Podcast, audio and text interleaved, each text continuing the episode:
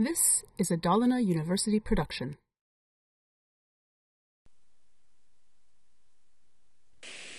Hej, Per Eriksson heter jag.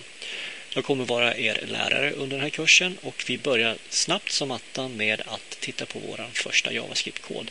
Jag har valt att skriva den här koden i ett verktyg som heter SharePoint Designer som kommer med Microsoft Office. Men det går lika bra att jobba i anteckningar.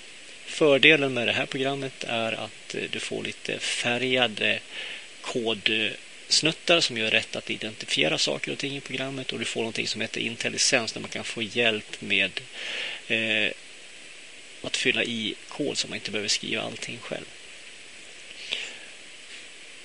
All JavaScript-kod skrivs ju oftast direkt i HTML-sidan men man kan även lägga det i en separat fil som man sedan eh, eh, importerar till HTML-sidan. Eh, ofta så brukar man också när man väl skriver sin JavaScript-kod i en HTML-sida lägga den antingen uppe i head som i vårat fall. Du ser på rad 12 till och med 18 att den här skripttaggarna ligger inom head. Men man kan även lägga det nere i bodyn. Det är syftet som styr vart den här ligger. Men ofta så lägger man det uppe i head. Som jag sa tidigare så använder man skripttaggar. På rad nummer 12 så ser du hur en sån här skripttab måste se ut.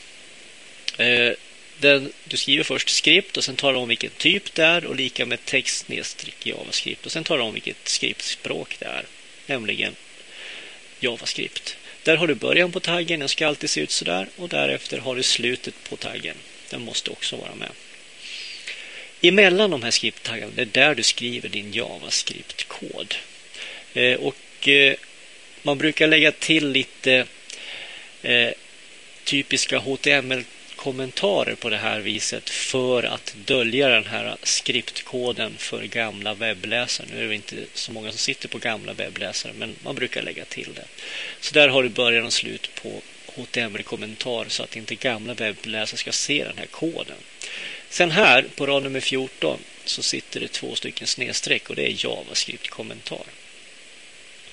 Vad gör det här programmet? Jo, det ska skriva ut lite information till till webbläsaren och den informationen ser ut på det här sättet.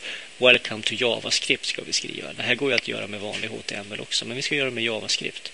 Och för att få saker och ting utfört i ett eh, JavaScript-program så måste man använda någonting som kallas för objekt. Och Det finns fördefinierade objekt i det här språket och ett sånt är ett som kallas för dokument som används för att till exempel skriva till dokumentet, det här HTML-dokumentet.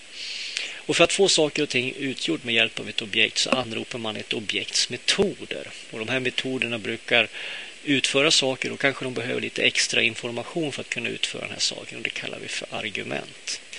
Tittar vi på rad nummer 15 så har vi objektet dokument och sen kommer det en punkt. Det separerar objektet från dess metod. Och sen kommer metoden write-ln som finns för det här dokumentet. Det här är fördefinierat i eh, i browsern att det, finns, det måste finnas ett dokumentobjekt och sen måste det till det här dokumentobjektet finnas en write-ln-metod. Eh, den här metoden write-ln som finns till dokumentobjektet den måste ha extra information. Vad är det för någonting du vill att jag ska skriva ut? Och det skickar jag med här inom parentesen. Du ser att där har vi början på parentesen och slut i parentesen. Det som står emellan här är argument som den här metoden behöver för att kunna utföra sin uppgift. Och I vårt fall så vill jag skicka med den här textsträngen. H1-taggen, Welcome to JavaScript Programming och slut på H1-taggen. Det sätter jag inom citattecken för att det här är en textsträng. Så allt inom citattecken är en textsträng.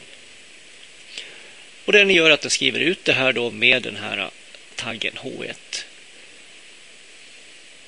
Det du har lärt dig här är att för att få saker och ting utfört eller gjort i ditt eh, JavaScript-program så använder du objekt och dess metoder.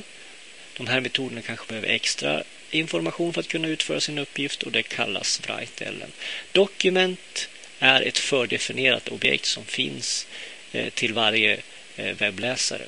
Och eh, den här metoden WriteLN också fördefinierar och tillhör då objektet dokument.